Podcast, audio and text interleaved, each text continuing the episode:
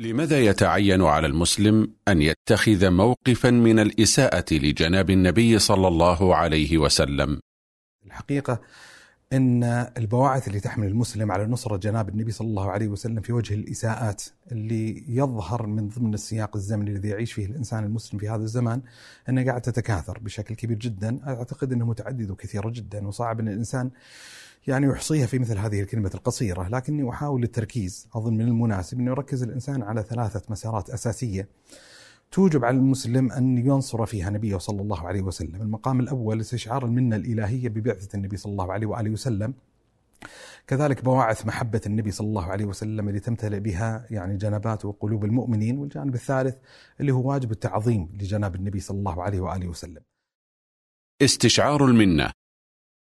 فيما يتعلق بقضية استشعار المنة الإلهية في بعثة النبي صلى الله عليه وسلم يعني ينبغي على الإنسان المسلم ينطلق فيها من قول الله تبارك وتعالى لقد من الله على المؤمنين إذ بعث فيهم رسولا من أنفسهم يتلو عليهم آياته ويزكيهم ويعلمهم الكتاب والحكمة وإن كانوا من قبل لفي ضلال مبين. يعني هذه الآية القرآنية تذكر جملة من المنن الإلهية في بعثة النبي صلى الله عليه وسلم. البشرية والإنسانية كانت في ضلال مبين قبل لحظة بعثة النبي صلى الله عليه وسلم.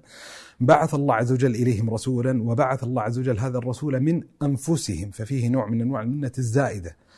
وحتى الله عز وجل يشير إلى هذا المعنى يعني خصوصا في منته تبارك وتعالى على العرب إذ بعث فيهم رسولا من أنفسهم أن النبي صلى الله عليه وسلم وإنه لذكر لك ولقومك وسوف تسألون أن يعني بعثة النبي صلى الله عليه وسلم باللغة العربية هو ذكر. يعني أحد وجهي التفسير في هذه الآية القرآنية أنه شرف.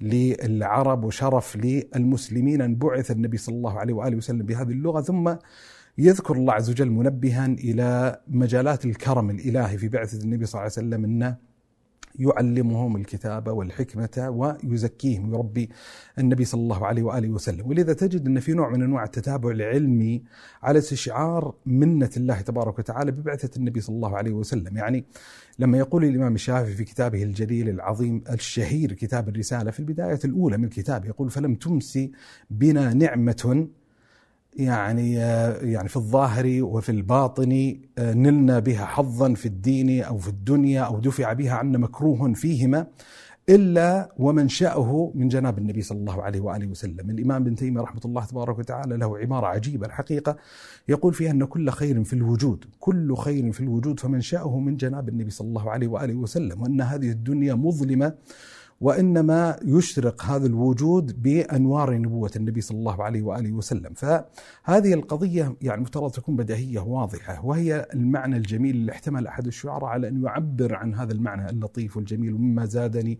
شرفا وتيها وكدت باخمصي أطأ الثريا دخولي تحت قولك يا عبادي وأن صيرت أحمد لي نبيا، يعني يعني المقام الذي شرف الله عز وجل به الإنسان أنه جعله عبدا من عبيده تبارك وتعالى وأن جعل أفضل الأنبياء والرسل هو الرسول الذي هدي به الإنسان. فهذا ما يتعلق بالمقام الأول. باعث المحبة فيما يتعلق بالمقام الثاني وهو مقام محبة النبي صلى الله عليه وآله وسلم، طبعا الملحظ اللي يحتاج الإنسان ملاحظته وإدراكه فيما يتعلق بهذه القضية أن هذا ليس من قبيل القضايا الاختيارية يعني التي يطالب بها الإنسان المسلم بل هي من القضايا المتعينة الواجبة التي يجب على الإنسان أن يبذلها يعني طمعا في ثواب الله تبارك وتعالى واسقاطا للتكليف الشرعي الذي أناطه الله سبحانه وتعالى في أحد مجالات الحقوق المتصلة بالجناب النبوي. يعني يكفي أن يستحضر الإنسان المسلم في هذا مثل هذا السياق مثلا قول النبي صلى الله عليه وآله وسلم ثلاث من كن فيه وجد بهن حلاوة الإيمان وذكر منهن أن يكون الله ورسوله أحب إليه مما سواهما، طبعا لا يتوهم الإنسان من هذا الحديث إن مجرد محبة الله عز وجل ومحبه النبي صلى الله عليه وسلم هي من القضايا التي يتطلب من خلالها فقط ما يتعلق بكمال الإيمان. يعني بمعنى أنه قد يتوهم الإنسان أنه هي منزلة رفيعة يطمع الإنسان بنيلها عن طريق يعني عن طريق عن طريق التعبد لله سبحانه وتعالى وغيرها من المسالك وأنها من قبيل المستحبات. وأن لا يطالب كل إنسان مسلم بأن يحقق هذه الرتبة، لا القضية وما فيها أن هذه رتبة يتعين على الإنسان أن يحققها في نفسه، النبي صلى الله عليه وسلم يقول لا يؤمن أحدكم حتى أكون أحب إليه من والده وولده والناس أجمعين، عمر بن الخطاب في الحديث المشهور جدا أن أتى النبي صلى الله عليه وسلم وقال له يعني بشكل واضح بشكل صريح يعني مبين له عن المشاعر التي تعتلج بها نفسه. حيال النبي صلى الله عليه وسلم قال والله لأنت يا رسول الله أحب إلي من أهلي ومالي ومن الناس أجمعين. إلا من نفسي يعني الحديث المشهور فقال له النبي صلى الله عليه وآله وسلم لا حتى أكون أحب إليك من نفسك. فسكت قليلا عمر ثم أجاب النبي صلى الله عليه وسلم مباشرة وقال له فأنت أحب إلي من نفسي. طبعا بحمد الله سبحانه وتعالى يعني هنالك جملة من التكاليف الشرعية التي قد يجد الإنسان فيها المسلم نوع من أنواع المشقة أحيانا قد يلاقي فيها عنة لكن محبة النبي صلى الله عليه وسلم هي قضية يعني مختلفة في سياق الإنسان المسلم. يعني النبي صلى الله عليه وسلم محبته في شق منها هو طوعي تعبدي اختياري معقلا وفي شق منها هي تعبر عن نوع من أنواع العواطف الجياشة، نوع من أنواع الوجدانيات التي يتيسر على الإنسان المسلم أن يعني يحققها للنبي صلى الله عليه وسلم، أنا أظن وأزعم وأحسن الظن في عامة المسلمين أن محبتهم للنبي صلى الله عليه وسلم تجري على نفوسهم بردا زلالا، وأنهم لا يجدون فيها كبير عنة وليس كبير مشقة، وهذه قضية يعني ينبغي لا تكون مستغربة يعني النبي صلى الله عليه وسلم كما وصفه ربه تبارك وتعالى وإنك لعلى خلق عظيم يعني مجرد مطالعة هذه السيرة النبوية الشريفة يعني مطالعة تفاصيل ما يتعلق بأخلاقيات النبي صلى الله عليه وسلم تحمل أي إنسان منصف موضوعي عاقل عادل على محبة هذا الشخص ومحبة يعني جبل الإنسان على محبة أصحاب الأخلاق الرفيعة فكيف وأنت تتحدث عن أرفع أصحاب الأخلاق؟ طيب كيف إذا استعرض الإنسان يعني وهو معنى جبل عليه الإنسان أنه يحب من يحبه. يعني أنه يحب من يحبه يحب من أحسن إليه. وكل إحسان يلاقيه الإنسان في هذا الوجود إنما تلقاه النبي صلى الله عليه وسلم تلقاه الإنسان بوساطه النبي صلى الله عليه وسلم. يعني ليستشعر الإنسان يعني مثلا من أحاديث النبي صلى الله عليه وسلم العجيبة اللي تعبر عن شدة محبة النبي صلى الله عليه وسلم، شدة شفقة النبي صلى الله عليه وآله وسلم على أمته، يعني هذه الأحاديث التي يتبدى منها حقيقة قول الله تبارك وتعالى لقد جاءكم رسول من أنفسكم عزيز عليه ما عنتم حريص عليكم بالمؤمنين رؤوف رحيم. يعني النبي صلى الله عليه وسلم شديد الرأفة والرحمة بأمته صلى الله عليه وسلم. يعني النبي صلى الله عليه وسلم في إحدى الليالي كان يقرأ من القرآن الكريم ويكرر قول الله تبارك وتعالى ربي إنهن أضللن كثيرا من الناس. وقول الله سبحانه وتعالى إن تعذبهم فإنهم عبادك. واحتمل تدبره في هذه الآية القرآنية البكاء. بدأ يبكي النبي صلى الله عليه وسلم وفي أثناء بكائه كان ينادي النبي صلى الله عليه وسلم ربه تبارك وتعالى ويقول اللهم أمتي أمتي اللهم أمتي أمتي. بلغت كلمات النبي صلى الله عليه وسلم ربه تبارك وتعالى فأرسل جبريل الأمين قال اذهب إلى محمد وهو سبحانه وتعالى العليم بحال محمد صلى الله عليه وآله وسلم وقال سله لما يبكي. فنزل جبريل النبي صلى الله عليه وسلم فأخبره النبي صلى الله عليه وسلم بالخبر اللهم أمتي أمتي فرجع جبريل الأمين إلى الرب تبارك وتعالى فبشر الله عز وجل بوساطة جبريل للنبي صلى الله عليه وسلم الأمة بأن الله سبحانه وتعالى سيرضي نبيه صلى الله عليه وآله وسلم في الأمة ولن يخزيه. جل وعلا. وهذه من البشارات العظيمة التي نالتها الأمة المسلم بكمال الشفقة النبوية. النبي صلى الله عليه وسلم يقول لكل نبي دعوة مستجابة وكل الأنبياء قد دعوا بتلك الدعوة المستجابة. ويقول النبي صلى الله عليه وسلم وإني أخرت دعوتي شفاعة لأمتي يوم القيامة. يعني ليتخيل الإنسان الله عز وجل جعل النبي صلى الله عليه وسلم دعوة مستجابة. يعني أي شيء يطلبه النبي صلى الله عليه وسلم بواسطة هذه الدعوة المستجابة المضمونة مضمونة التحقيق سيحقق الله عز وجل. كان في مقدور النبي صلى الله عليه وسلم أن يدعو لنفسه صلى الله عليه وآله وسلم. كان يستطيع أن يدعو للأدنين الأقربين منه صلى الله عليه وسلم آل بيته صلى الله عليه وسلم على صحابته لكنه صلى الله عليه وسلم لم يختر نفسه ولم يختر طبقة من طبقات الأمة وإنما اختار أن يعمم بهذه الدعوة الشريفة مجموعة أمته صلى الله عليه وسلم في اللحظة التي تحتاج فيها الأمة إلى هذه الدعوة النبوية. تحتاج فيها الأمة إلى شفاعة النبي صلى الله عليه وسلم. بل إذا تدبر الإنسان مثلا في حديث أبو هريرة رضي الله عنه وأرضاه لما سأله لمن شفاعتك يوم القيامة؟ فالنبي صلى الله عليه وسلم قال شفاعتي لأهل الكبائر من أمتي. يعني لاحظ شفقة النبي صلى الله عليه وسلم ليس بالصالحين من هذه الأمة ليس بعباده وزهاده فقط وإنما تعم شفقة النبي صلى الله عليه وسلم ورحمته وطمعه في كرم الله عز وجل ومغفرته سبحانه وتعالى أن يشفع له صلى الله عليه وسلم في ذوي الكبائر من أمته صلى الله عليه وآله وسلم. النبي صلى الله عليه وسلم المشهور حديث الشفاعة العظيم. حديث الشفاعة المقام المحمود الذي يعني لا يوجد إنسان وبشر خلا النبي صلى الله عليه وسلم سيحظى بهذا المقام الرفيع. لما يتنادى البشرية يطلبون من من من الأنبياء الله تبارك وتعالى والصلحاء أنهم يشفعون في الله سبحانه وتعالى في فصل القضاء.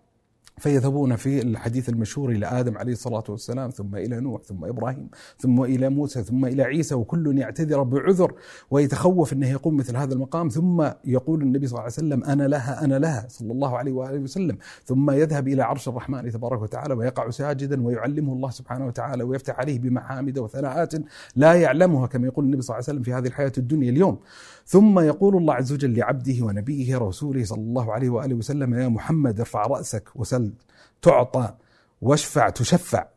فمباشرة في اللحظة اللي يرفع فيها النبي صلى الله عليه وسلم رأسه لربه تبارك وتعالى يقول أمتي أمتي. مباشرة يطمع من ربه تبارك وتعالى أن ينال هذه الأمة ب بشفاعة حسنة يرحم بها الله تبارك وتعالى العباد. في حديث لطيف وحديث جميل وحديث يعبر إن ليست المسألة مجرد دعوة نبوية مستجابة مؤخرة للحياة الأخروية، بل الأمر أعمق من هذا وأعجب من هذا، أم المؤمنين عائشة رضي الله عنها وأرضاها تسأل النبي صلى الله عليه وسلم وقد آنست من النبي صلى الله عليه وسلم طيب نفس فتقول له صلى الله عليه وآله وسلم ادعوا لي يا رسول الله. فيقول لها النبي صلى الله عليه وسلم داعيا ربه تبارك وتعالى اللهم اغفر لعائشة ما أسرت وما أعلنت وما أظهرت وما أبطنت ف سرت عائشة رضي الله عنها وأرضاها بهذه الدعوة النبوية سرت سرورا عظيما إلى درجة أنها ألقت برأسها في حجرها وهي تضحك تضحك بشدة. حتى النبي صلى الله عليه وسلم تفاجأ من ردة فعلها وقال أيسرك أني دعوت لك؟ فقالت وما لي أسر وقد دعا لي رسول الله صلى الله عليه وسلم. فأخبر النبي صلى الله عليه وسلم بالقضية العجيبة بالقضية التي يعني تدل على عمق محبة النبي صلى الله عليه وسلم والمسألة ليست مرحلة شفاعة في الحياة الأخروية بل يقول النبي صلى الله عليه وسلم فهي دعوتي لأمتي في كل صلاة وفي كل يوم. يعني بمعنى أن هذا الطمع من ربه تبارك وتعالى ليس يعني مسألة مرحلة بل النبي صلى الله عليه وسلم يكرر هذا الطلب يكرر هذه القضية كل اللحظات وكل يعني الأيام الذي عاشها صلى الله عليه وآله وسلم. كثيرة الحقيقة المظاهر. يعني يلتفت الإنسان مثلا إلى مظهر الشفقة النبوية في عدم المشقة على الأمة وإلغاء وإلقاء يعني تبعات يستطيع النبي صلى الله عليه وسلم أن لا يعنتهم بها. يعني تخيل حالة الحرج التي عصفت بالنبي صلى الله عليه وسلم وهو يتردد بين السماء بين الرب تبارك وتعالى والسماء السابعة. يعني يريد من الله سبحانه وتعالى أن يخفف على هذه الأمة ما يتعلق بتكاليف الصلاة من خمسين صلاة إلى خمسة وأربعين إلى أربعين إلى ما وصلت إلى خمس صلوات في اليومية والليلة. يعني أحاديث كثيرة تجد تفتتح بقول النبي صلى الله عليه وسلم لولا أن أشق على أمتي. في حديث متعلق بالسواك في حديث متعلق بشأن الجهاد في حديث متعلق بتأخير صلاة العشاء يعني إلى وقتها الفاضل. مثلا من المقامات اللي تجدها من النبي صلى الله عليه وسلم مثلا آه، تجد مثلا تذيل بعض أفعال النبي صلى الله عليه وسلم كي لا يحرج أمته وأراد أن لا يحرج أمته في قضية الجمع متى ما احتاج الإنسان إلى الترخص. يعني موطن الشاهد وخلاصه الأمر إنه البواعث التي تحتمل الإنسان المسلم على صدق محبة النبي صلى الله عليه وسلم هي بواعث متعددة وكثيرة جدا، يعني تريد أن تأتيها من زوايا العقلنة فمجرد مطالعة الكمالات النبوية، أخلاق النبي صلى الله عليه وسلم، شفقة النبي صلى الله عليه وسلم، منة الله سبحانه وتعالى، منة النبي صلى الله عليه وآله وسلم علينا آه، كلها تبتعث يعني في نفس الإنسان المسلم محبة الله تبارك وتعالى، وفي المقابل كذلك يعني هنالك معنى يعني بحمد الله تبارك وتعالى يربى عليه أطفال المسلمون من التعلق بجناب النبي صلى الله عليه وآله وسلم. وهو أمر يعني ينبغي أن لا يكون مثار استغراب وكلنا نعلم أن الجمادات تحب النبي صلى الله عليه وسلم. جبل أحد جبل يحبنا ونحبه كما أخبر النبي صلى الله عليه وسلم. جذع نخلة تحن إلى النبي صلى الله عليه وسلم بعد أن ترك النبي صلى الله عليه وسلم الخطبة عندها ثم يضمها النبي صلى الله عليه وسلم بكمال شفقته صلى الله عليه وآله وسلم. الحسن البصري يروي هذا الحديث للتابعين فيقول هذا الشجر وهذا الجماد وهذا يعني يحن للنبي صلى الله عليه وسلم فلا تحنون إليه أنتم؟ ويبكي. يعني رحمة الله تبارك وتعالى عليه. ف يعني يطمع الإنسان المسلم أن يحقق مثل هذا المقام مقام المحبة فمن الطبيعي أن أن يبتعث أو تبتعث هذه المحبة لجناب النبي صلى الله عليه وسلم حالة الغضب له صلى الله عليه وآله وسلم من الاعتداء على جنابه صلى الله عليه وسلم. واجب التعظيم المجال الثالث أو المسار الثالث اللي يتحقق من خلاله لزوم نصرة النبي صلى الله عليه وآله وسلم واجب التعظيم للنبي صلى الله عليه وسلم. والحقيقة هذا ثمرة المحبة يعني محبة النبي صلى الله عليه وآله وسلم تحمل المسلم على صدق تعظيم النبي صلى الله عليه وسلم. هي ليست قضية حتى منفكة عن قضية المحبة بل هو لون من ألوان المحبة الذي يقترن به لون من ألوان التعظيم. وهذا التعظيم الذي أمر الله سبحانه وتعالى به يتجلى في آيات قرآنية متعددة، يعني الله عز وجل أمر هذه الأمة بتعزير النبي صلى الله عليه وسلم، بتوقير النبي صلى الله عليه وآله وسلم، أمرهم أن لا يخاطبونه صلى الله عليه وآله وسلم باسمه كما يتخاطب الناس بعضهم مع بعض، لا تجعلوا دعاء الرسول بينكم كدعاء بعضكم بعضا، ما تنادي يا محمد، تعظم جناب النبي صلى الله عليه وسلم، تقول يا رسول الله، يا نبي الله، أمر الله سبحانه وتعالى المؤمنين أن لا يرفعوا أصواتهم على صوت النبي صلى الله عليه وسلم، يا أيها الذين آمنوا لا ترفعوا أصواتكم فوق صوت النبي ولا تجهروا له بالقول كجهر بعضكم لبعض أن تحبط أعمالكم وأنتم لا تشعرون، يعني وهذا المعنى العلماء ينبهون أنه مطبق في حياة النبي صلى الله عليه وسلم بوجوده مطبق مع سنة النبي صلى الله عليه وسلم وحديثه بعد وفاته صلى الله عليه وآله وسلم. ومن عجيب ومن اللطائف الموجودة في القرآن الكريم أن الله سبحانه وتعالى لم يخاطب نبيه صلى الله عليه وسلم باسمه الصريح يا محمد. وأنما يعظم النبي صلى الله عليه وسلم بذكر أو بذكر أشرف أوصاف النبي صلى الله عليه وسلم بذكر وصف العبودية له سبحانه وتعالى. ال ال ويكفي استحضار تعظيم الله سبحانه وتعالى للنبي صلى الله عليه وآله وسلم مثلا في قول الله عز وجل إن الله وملائكته يصلون على النبي يا أيها الذين آمنوا صلوا عليه وسلموا تسليما يعني وطأ الله عز وجل لتكليف الأمة بالصلاة على النبي صلى الله عليه وسلم بالتنبيه والإشارة على أن الرب تبارك وتعالى والملائكة المكرمين يصلون على النبي صلى الله عليه وآله وسلم. والأحاديث يعني متعلقة الدالة على شرف وفضل وعظيم الخصائص التي ميز الله عز وجل بها نبيه ورسوله صلى الله عليه وسلم متعددة وكثيرة جدا. يعني يعني تخيل آه، أن النبي صلى الله عليه وسلم يخبر الأمة عن مقامه في البشرية والإنسانية أنا سيد ولد آدم ولا فخر. هو سيد البشرية صلى الله عليه وآله وسلم. هو أول شافع وأول مشفع يوم القيامة. أول من يصمد للشفاعة وأول من تقبل شفاعته في البشرية والناس. هو الذي يطرق باب الجنة ولا تفتح أبواب الجنان إلا له صلى الله عليه وسلم في اللحظة الأولى. الكفار كانوا يدركون عظمة النبي صلى الله عليه وسلم. في الحديث المشهور حديث أبو سفيان الطويل.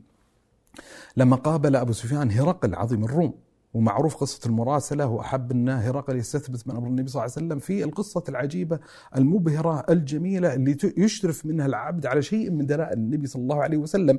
في آخر الحديث يقول هرقل لو لو يعني لو كنت أدرك اني أستطيع أن أخلص إليه لتششمت إليه ولو كنت عنده لغسلت عن قدميه صلى الله عليه وآله وسلم، فإذا كان مثل يعني هذا الرجل الذي لم يتبع النبي صلى الله عليه وسلم يعظم مثل هذا التعظيم فنحن يجب علينا أن نعظمه صلى الله عليه وسلم بباب أولى ومن أعظم ما يعظم به النبي صلى الله عليه وسلم أن يذب عن جنابه صلى الله عليه وسلم أن ينصر رسول الله صلى الله عليه وسلم بحيث أن يعني هنالك ما يطيقه الإنسان المسلم في هذه الحياة الدنيا أن يتم التعرض له، التعرض لوالديه، التعرض لقراباته، التعرض لمحبوباته، لكن ينبغي أن يكون النبي صلى الله عليه وسلم خطا أحمر بالنسبة للمسلمين باعتباره رسول الله صلى الله عليه وآله وسلم، لا شيء يعني من البشرية من الناس أكثر قداسة وأكثر جلالا وأكثر هيبة في نفوسنا من رسول الله صلى الله عليه وآله وسلم.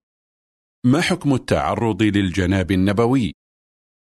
ما في شك أن تعرض لجناب النبي صلى الله عليه وسلم يعتبر من أعظم المنكرات ومن أكبر الكبائر بل هو من موجبات الردة عن دين الإسلام ومن أعظم الكفر الذي يمكن أن يقع فيه إنسان ويقع فيه بشر أن يتعرض لجناب النبي صلى الله عليه وسلم بالسب بالإيذاء بغير ذلك. والله سبحانه وتعالى ينبه إلى خطورة هذا الأمر. لما يقول الله سبحانه وتعالى إن الذين يؤذون الله ورسوله لعنوا في الدنيا والآخرة ولهم عذاب مهين. يعني عد الله سبحانه وتعالى عذاب مهين واللعنة تمتد لهذا الإنسان المتعرض لجناب النبي صلى الله عليه وسلم في هذه الحياة الدنيا ومتعرض له في الآخرة. ولما نتكلم عن التعرض لجناب النبي صلى الله عليه وسلم نحن لا نتكلم حتى عن مجرد السب الصريح. يعني الحساسية العلمية المرهفة حيال جناب النبي صلى الله عليه وسلم أن أي مظهر من مظاهر الاستنقاص أي مظهر من مظاهر التعريض بجناب النبي صلى الله عليه وسلم يعتبر أمرا خطيرا جدا.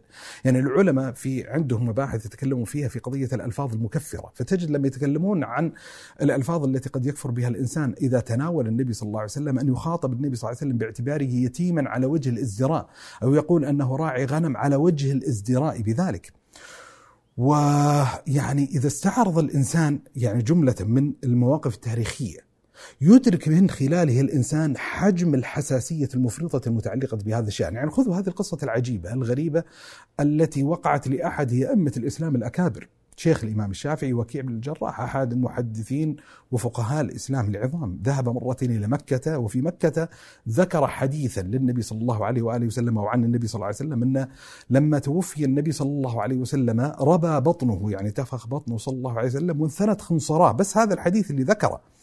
فلما بلغ مسامع أهل مكة ذكر وكيع لهذا الحديث أرادوا أن يقتلوه وأمر أمير مكة في ذلك اليوم أنه يسجن وكيع ليرى فيه الرأي فيما يتعلق بهذه القضية. ولما بلغ الأمر مسامع سفيان بن عينة الإمام المحدث الكبير الذي يعرف من وكيع بن الجراح ويعرف قدره ذهب إلى الأمير شافعا وقال له يعني إن وكيع هذا شيخ يعني أهل العراق وإن هذا عالم كبير وإن هذا الحديث معروف. ويقول سفيان بن عيينة عن نفسه وما سمعت بذلك الحديث إلا يومئذ لكني أردت أن أخلصه. وفعلا لأن الأمير فأطلق صراحة اللي هو وكيع ثم خرج وكيع من مكة قاصدا المدينة ولما اقترب المدينة بلغ أهل المدينة الخبر فكانوا يعدون الخشب في المدينة لصلبه رحمة الله تبارك وتعالى حتى انحرف عن المدينة وعاد إلى العراق. وحاكم مكة يومئذ ندم على أنه تركه ولاحظ القصة وما فيها أنه هو ذكر حديثا يعني لا يلزم بالضرورة أن يكون فيه انتقاص مقام النبي صلى الله عليه وسلم لكن مجرد التوهم الممكن. يعني الإمام الذهبي لما ذكر هذه القصة في سيرة من نبلة قال يعني رحمة الله تبارك وتعالى ما له لهذا الحديث المنكر ويعني هي نوع من أنواع الزلة القبيحة التي كادت تذهب فيها نفسه. وأولئك القوم يعني حتى لاحظ عبارة الذهبي تدل على إجلال مقام النبي صلى الله عليه وسلم يقول والقوم الذين أرادوا قتله كانوا معذورين. بل مأجورين. يعني هذا المسألة بل مأجورين.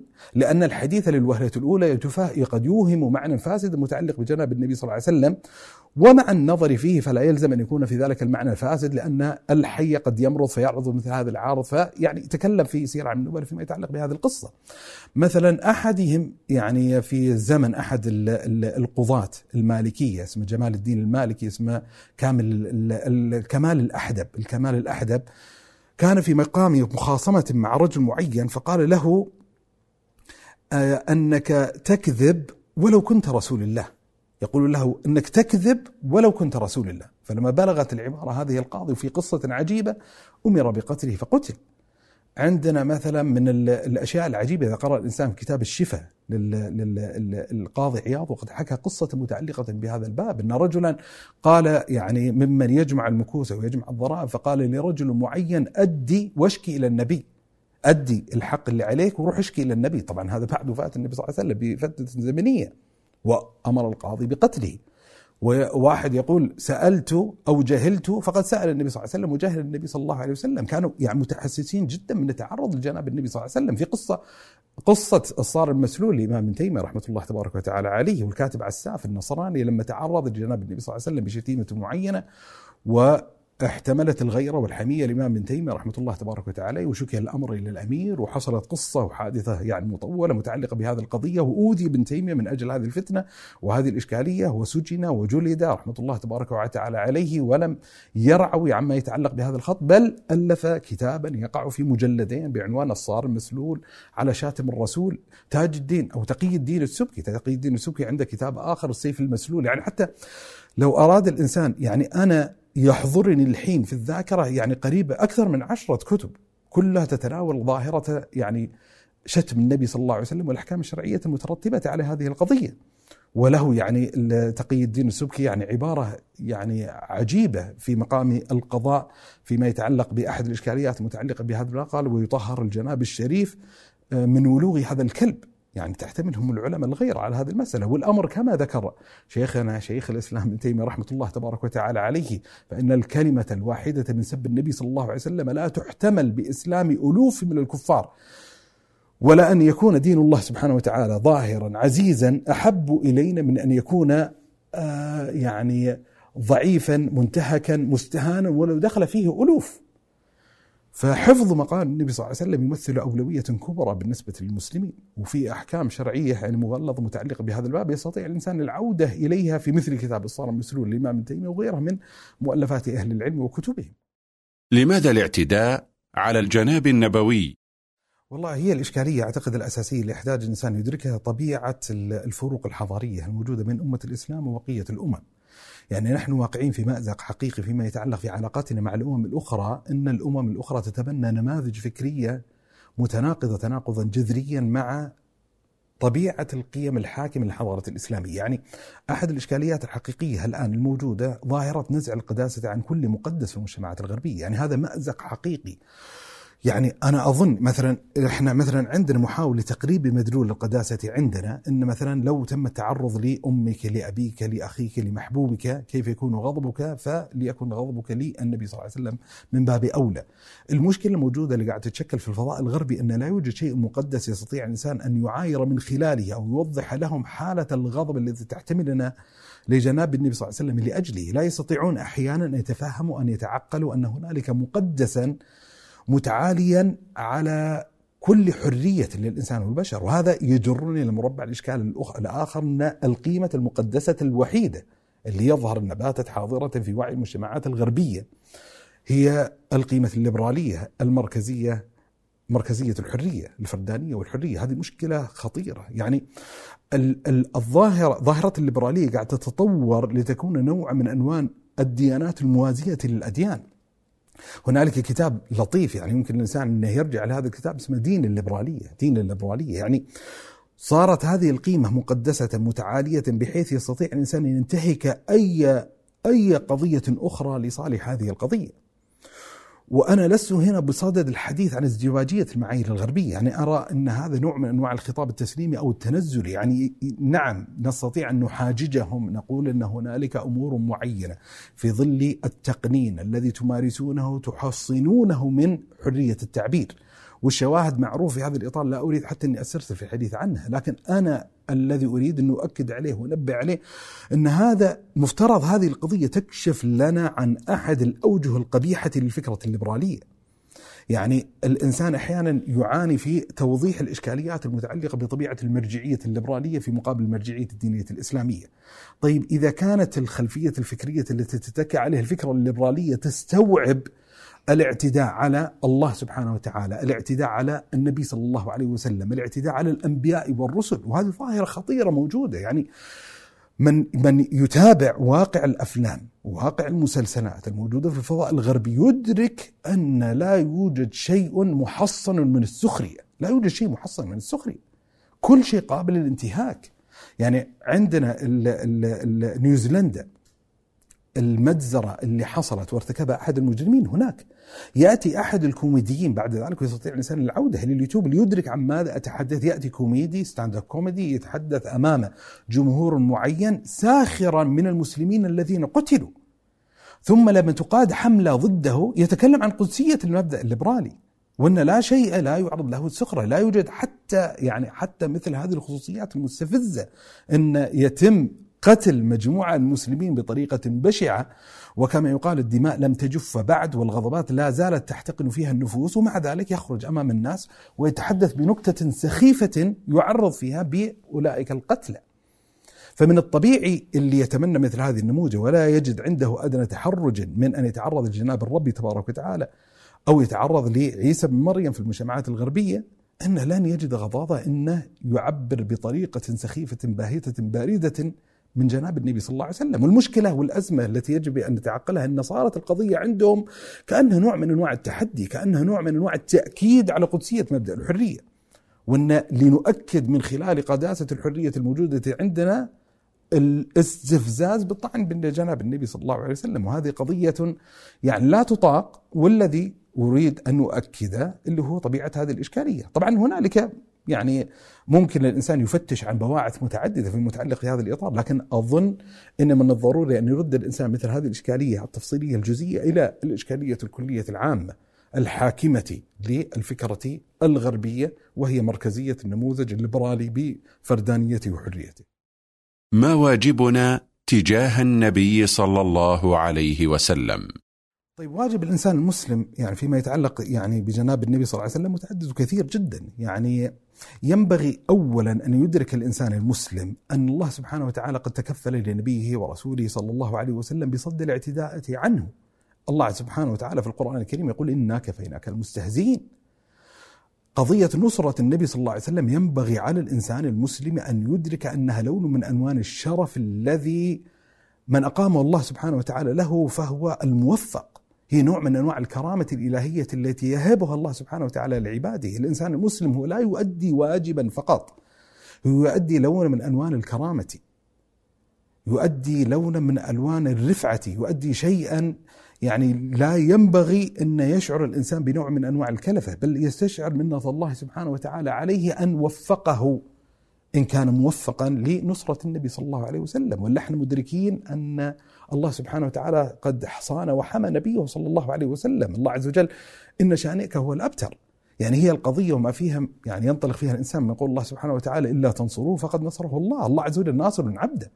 لكن القصة وما فيها مسؤوليات متعلقة بهذا الباب. إن هل يستقيم أن يعتدى على جناب النبي صلى الله عليه وسلم ولا يعني يتحرك المسلم بشيء فأظن أن هناك جملة من المعطيات المتعلقة بجناب النبي صلى الله عليه وسلم التي يجب أن يستصحبها النبي الإنسان في خصوص القضية يعني قضية الاعتداء على جناب النبي صلى الله عليه وسلم أو ينبغي أن تكون أشبه منهج حياة الإنسان المسلم في التعاطي مع النبي صلى الله عليه وسلم يعني فيما يتعلق بخصوص الإساءة مثلا للنبي صلى الله عليه وسلم عندنا قضية الإنكار.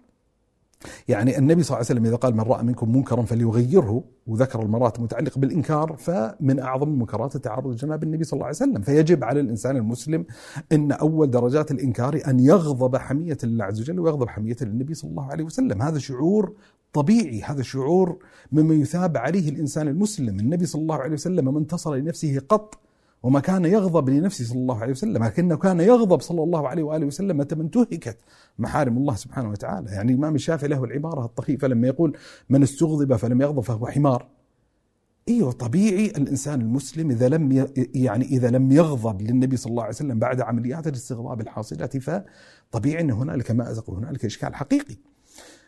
من الأشياء المهمة جدا أن تكون أشبه المنهج حياة الإنسان المسلم التي يعبئ الإنسان من خلاله مخزون المحبة للنبي صلى الله عليه وسلم حتى يحقق النصرة الواجبة الشرعية لجناب النبي صلى الله عليه وسلم في مثل هذه الظروف والملابسات التعرف على النبي صلى الله عليه وسلم. يعني يجب أن يطرح الإنسان المسلم عن نفسه سؤالا هل تعرفت على النبي صلى الله عليه وسلم على الصورة اللائقة بمقام النبي صلى الله عليه وسلم أم لا؟ هل قرأت في حياتي كتابا في سيرة النبي صلى الله عليه وسلم؟ هل حضرت دروسا متعلقة بسيرة النبي صلى الله عليه وسلم؟ هل شاهدت مقاطع في اليوتيوب؟ سمعتم مثلا دروس محاضرات متعلقة بالتعريف بالنبي صلى الله عليه وسلم؟ يعني الله سبحانه وتعالى قد أكرم الناس وأكرم البشرية بنبي ورسول وأن قيد التفاصيل ما يتعلق بسيرة النبي صلى الله عليه وسلم بطريقة لم تحصل لإنسان لا قبل النبي صلى الله عليه وسلم ولم تحصل لإنسان بعد النبي صلى الله عليه وآله وسلم. فمن الضروري جدا أن يتعرف على النبي صلى الله عليه وسلم، يتعرف على هيئته هيئته الأخلاقية وهيئته الخلقية صلى الله عليه وسلم، يتعرف على شمائله صلى الله عليه وسلم، يطالع الإنسان كتابا في هدي النبي صلى الله عليه وسلم، قرأ الواحد زاد المعاد ولا ما قرأ زاد المعاد، قرأ كتابا في سيرة النبي صلى الله عليه وسلم، من يقرأ هذه قضيه أظنها مهمة جدا. بل من الآثار اللي وجدتها عن التابعين أنه كانوا يذكرون هذا المعنى أن كانوا يعلمون أطفالهم السيرة كما يعلمونهم السورة من القرآن. يعني هي قضية صميمية متعلقة بالفعل التربوي التعرف على النبي صلى الله عليه وسلم عن طريق المطالعة والقراءة في سيرة النبي صلى الله عليه وسلم. والله سبحانه وتعالى قد أكرمنا بمكتبة حافلة متعلقة بسيرة النبي صلى الله عليه وسلم. تريد بكتاب صغير مختصر ستجد كتابا صغير مختصرا متوسطا تريد كتابا كبيرا تريد موسوعة في سيرة النبي صلى الله عليه وسلم. كل شيء موجود فيما يتعلق بهذا الإطار. فمن التقصير الفاحش ألا يتعرف الإنسان المسلم على النبي صلى الله عليه وسلم المعرفة اللائقة به صلى الله عليه وآله وسلم. من الواجبات الشرعية اللي يجب أن تؤدى للنبي صلى الله عليه وسلم التعرف على حقوق النبي صلى الله عليه وسلم. ما هي بالقضية؟ يعني مجرد تعرف على سيرة قصصية للنبي صلى الله عليه وسلم. نعم يستلهم منها العظات والعبر ويدرك من خلالها شيئا من حقوق المصطفى صلى الله عليه وسلم.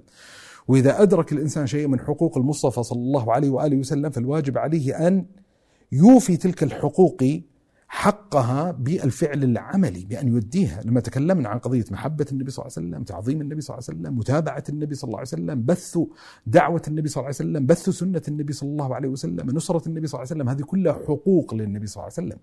ومن المراجع الجميلة والعظيمة الحقيقة والحافلة واللي تخلق نوعا من أنواع التعظيم لمقام النبي صلى الله عليه وسلم والتعظيم لحق جناب النبوي كتاب الشفاء للقاضي عياض الشفاء في حقوق المصطفى صلى الله عليه وسلم كتابة أصيلة ومركزية ويؤلمني لما أجلس مع مجموعات من طلبة العلم فضلا عن عامة الناس أن لم يطالعوا في يوم من الدهر كتاب الشفاء. وكتاب الشفاء بالمناسبة له مجموعة من الشروح اللي وضعها للعلم بل هناك مصنفات وكتب تكلمت على الحفاوة العلمية التي لقيها هذا الكتاب. الصارم المسلول الإمام تيمية يشتمل على شيء من من الكشف على حقوق النبي صلى الله عليه وآله وسلم. كتابات مثلا هدي الكتاب الهدي النبوي أو زاد المعاد الامام ابن القيم يتكلم كذلك في هذا الإطار. فهذه من القضايا الأساسية يعني من القضايا الأساسية أن يفرغ الإنسان شيئا من اهتماماته للتعرف على حقوق النبي صلى الله عليه وسلم وسيدرك من خلاله مفصل ما يتعلق بحقوقه صلى الله عليه وسلم في قضية النصرة فيستطيع أن يؤدي الواجبات الشرعية المتعلقة مثلا بهذا المجال أو متعلقة بهذا الباب. الخلاصة الكلام يعني حتى لا يعني يتفرع الإنسان كثيرا لا يوجد إنسان أعظم ولا أشرف ولا أكبر في عيوننا من النبي صلى الله عليه وسلم. وبالتالي يجب على الإنسان المسلم أن يبذل كل ما يستطيع نصرة النبي صلى الله عليه وآله وسلم. يعني ما يعرفه من حلول ما يعرفه من تطبيقات ما يعرفه من معالجات ما يعرفه ويسعى في تحصيل ما لا يعرفه. يحاول الإنسان كما يقال أن يفكر في داخل الصندوق يفكر في خارج الصندوق كل ما من شأنه نصرة النبي صلى الله عليه وسلم فهو موضوع على الطاولة. لكن يراعي بطبيعة الحال الإنسان المسلم فيما يتعلق بطبيعة المعالجات أن تكون متوافقة مع السنة والشريعة التي أتى به النبي صلى الله عليه وسلم. ما يحصل هنالك نوع من أنواع التجاوز أو الاعتداء. يعني المسلم مأمور بالعدل في كل أحواله في كل أطواره في التعامل مع كل القضايا ومع كل الشخوص. ومثل ما ذكر الإمام ابن تيمية أن العدل واجب في كل حال وفي كل زمان ومع كل إنسان. ف لما نتكلم عن قضية الغضب نعم اغضب للدين ما شئت مراعيا قضيتين أساسيتين. اغضب للشريعة ما شئت مراعيا العدل. ألا تتجاوز وتبغي وتظلم لأنه محرم في كل الأحوال وأن يراعي أن تكون ردة فعله مسألة لا تترتب عليها مفسدة أعظم من المصلحة التي تتطلبها الإنسان. هذه قضية مفترض تكون بديهية. وهي قضية من عاين سيرة النبي صلى الله عليه وسلم أدرك أن النبي صلى الله عليه وسلم كان يمارسها بالإضافة إلى الالتزامات الشرعية أن يفرق الإنسان بين المجالات المعطاة لعامة المسلمين في تناولها وبين المجالات التي تكون مناطة بالقضاء الشرعي أو مناطة بالنظام السياسي أو مناطة بالإمارة أو الملك أو غير ذلك من الأحكام الشرعية. فلا يتدخل الإنسان في المساحات التي لا تباح له شرعا وبطبيعة الحال متى ما تدخل فيها فسيترتب على ذلك مفاسد سدت الشريعة بابها. والمجالات التي يستطيع الإنسان أن يتناولها وفتح الله سبحانه وتعالى له فالواجب عليه شرعا ألا يتعطل عنها. وينبغي أن أذكر أن مجالات نصرة النبي صلى الله عليه وسلم متعددة وكثيرة جدا. فلا يترك الإنسان وهذه أحد إشكاليات اللي نقع فيها كثيرا لا يترك الإنسان المقدور عليه من نصرة النبي صلى الله عليه وسلم للمعجوز عنه. فيستطيع الإنسان أن ينصر نبيه صلى الله عليه وسلم بكلمة بحرف بكتابة بتغريدة بمقطع على اليوتيوب بمال يدفعه لمؤسسة في طباعة كتاب معين في بث دعوة معينه أن يعرف الخلق بالنبي صلى الله عليه وآله وسلم. ولا أشك مطلقا لا أشك مطلقا أننا مقصرون تقصيرا فاحشا في مساحات واسعة من المقدور عليه. وأن نقع في كثير من الأحيان وطأة الإحباط وطأة اليأس المعين. أننا عاجزون عن تحقيق مقامة معينة فلا يحتملنا اليأس الذي نقع بسببه في قدر من العجز ألا نبتعث قوانا فيما نستطيع أن نتحرك فيه من مجالات.